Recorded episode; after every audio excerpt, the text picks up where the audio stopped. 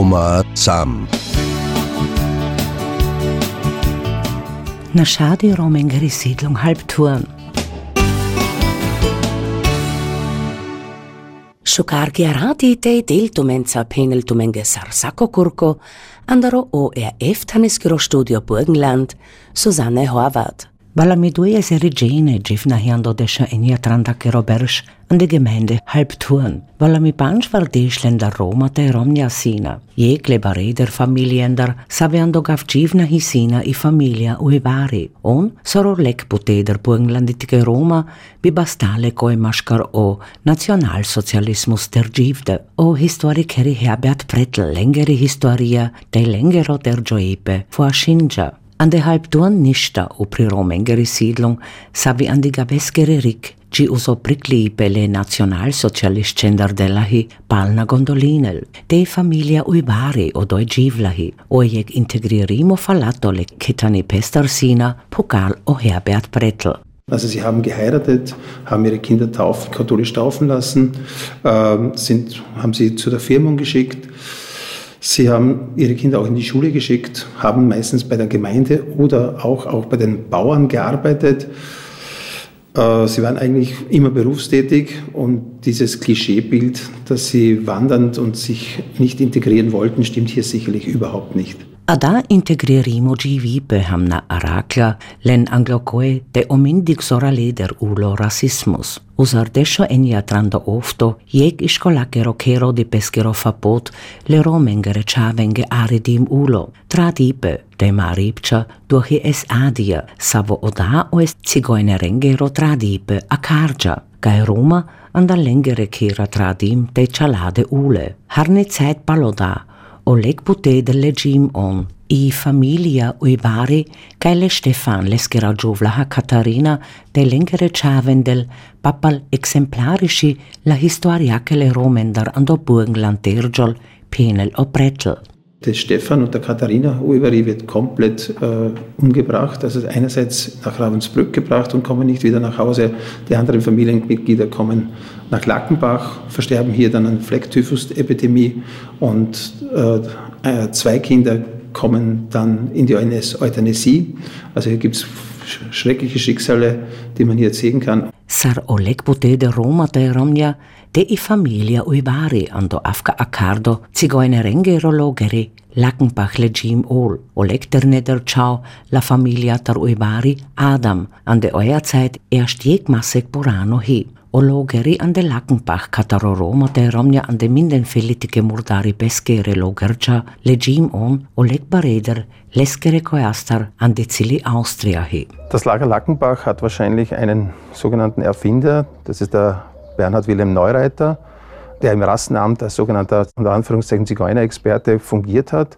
Und er hat, er war ja in der, aus der Nähe, also er hat in dieser Nähe auch gearbeitet zuvor. Und er hat dann zahlreiche Verhandlungen geführt und hat dann eben mit dem Landrat von Wiener Neustadt, äh, vom Oberpollendorf diese Vereinbarung gefunden, dass hier dieser ehemalige Esterhasische Meierhof frei wäre, wo man hier praktisch die Roma so in eine Art Lager, in eine Art Zwangsarbeitslager hinbringen kann, deportieren kann und hier praktisch äh, zunächst einmal diese Frage der Fürsorge irgendwie gelöst werden könnte. Und dieses Lackenbach ist dann immer weiter ausgebaut worden, war nicht geplant, dass es so viele Leute beherbergen sollte.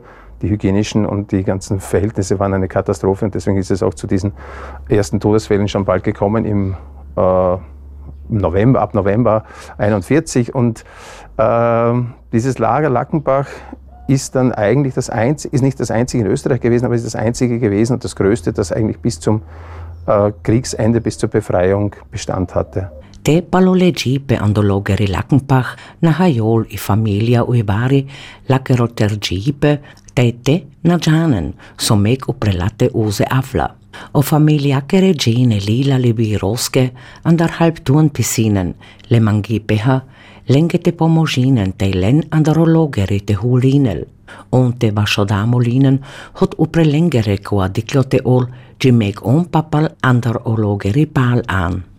Also man sieht es auch sehr gut beim Schriftverkehr, dann auch schon im Nationalsozialismus. Es gibt da ein Schreiben wo der Bürgermeister und der Ortsbauernführer darum bittet, dass die drei Damen, die drei Ulveri-Damen, wieder aus dem Internierungslager in, und später Konzentrationslager Ravensbrück herauskommen soll, weil man sie für die landwirtschaftliche Arbeit äh, brauche und sie einen guten Leumund haben. Gleichzeitig ein Jahr später ein anderer Bürgermeister äh, beantwortet die Briefe, die aus Lackenbach von den Familienmitgliedern geschrieben werden, nicht. Also er ignoriert sie als Teil der Familie. Die, die bitten da in diesen Briefen um äh, Amtsbescheinigung, dass sie berufstätig waren und dass sie mit, damit sie wieder rauskommen. O dergi per la famiglia tar uivare, nan jeg je košno peripe, mint okoj, butro mengere famiglie dar maskaro haburi bikindo, bei puesto citto ulo. O pricivde save pal ale, anglonista ter John, te ando lek buteder peripča odolestar, solen anglo nista palna ustiden, penel o historikeri. Das große Problem war, dass die, die Besitzungen der Roma nicht in die Grundbücher eingetragen waren. Das heißt, es gab zwar Grundstücke, die haben zumeist der Gemeinde gehört und dort hatten sie ab den 20er Jahren das Recht, äh, ihre Behausungen aufzubauen, ihre Häuser, manchmal gemauerte, manchmal auch nur Hütten aus Holz. Und diese waren sogenannte Subedifikate, das heißt, sie, sie waren nicht in ihrem Besitz, aber sie hatten eine Hütte drauf. Und nach ihrer Vertreibung, meistens im Jahr 41, sind diese Hütten entweder abgetragen oder angezündet worden. Das Inventar wurde verschleppt oder versteigert. Und nach ihrer Rückkehr hatten sie keinen Rechtsanspruch darauf, da nichts niedergeschrieben war, dass diese Hütte praktisch diesen Wert hatte. Äh, sie mussten dann von den Gemeinden untergebracht werden und das erfolgte dann meistens in so gemeindeeigenen Häusern wie das Armenhaus oder Zollhäuser, die vielleicht leer standen oder andere Behausungen, wo sie dann für die ersten Monate mal unterkommen konnten. Und dann begannen eben langwierige Verhandlungen mit den Gemeinden, ob sie sich wieder wo ansiedeln dürfen. Meistens haben sie dann denselben Platz wieder bekommen, wo sie zuvor schon lebten, aber sie mussten natürlich alles wieder neu aufbauen. Manche Gemeinden haben Baumaterialien zur Verfügung gestellt, viele haben das nicht gemacht. Prigašno hite otrđipe letikne Adam u evaristar. Palo mu lipe leskera dajatar te leskere da destar o dui beršengero Adam desho enja štar valdešte dui ersti val ande je čavengero ker al. Ov o letzti prikđivdo leskera familiatar hi. Die Katharina und der Stefan Ulveri hatten neun Kinder, Ein paar sind schon als Kinder praktisch verstorben. Sie werden dann am 21.08.1941 nach Lackenbach gebracht.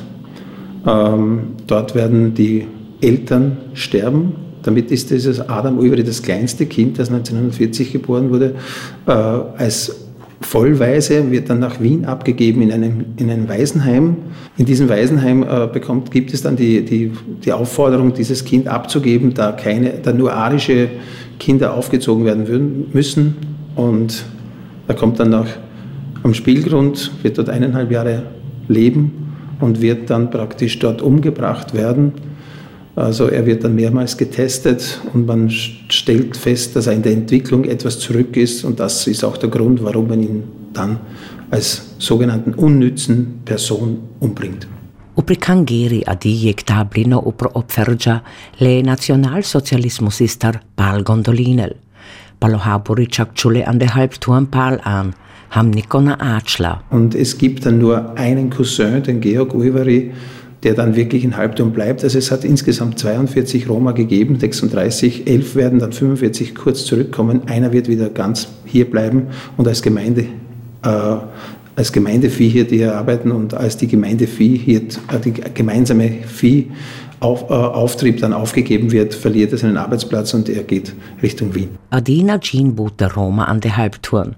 Adala hi obrigašne historii, sabe obi bastale te o manuscipe, le nacionalsocialismus istar sikan. Jek manuschengero vipe hilo, hot burgenlanditike tradim te murdarde ule, keile Roma sina, te an der Halbturn. Die Roma sind ein Teil des Burgenlandes, die Roma sind ein Teil der einzelnen Dörfer. Sie gehören zur burgenländischen Identität dazu und aus diesem Grund ist es ganz wichtig und notwendig, dass man diese Volksgruppe nicht vergisst. Šokarkaja di papalose amarisaki kurkeskeri sendung Roma sam uze sanahi. Te kamna šuna zamen papal adian de jek kurko, giodadi penaftumenge, acen devleha, acen saste, te lačirat.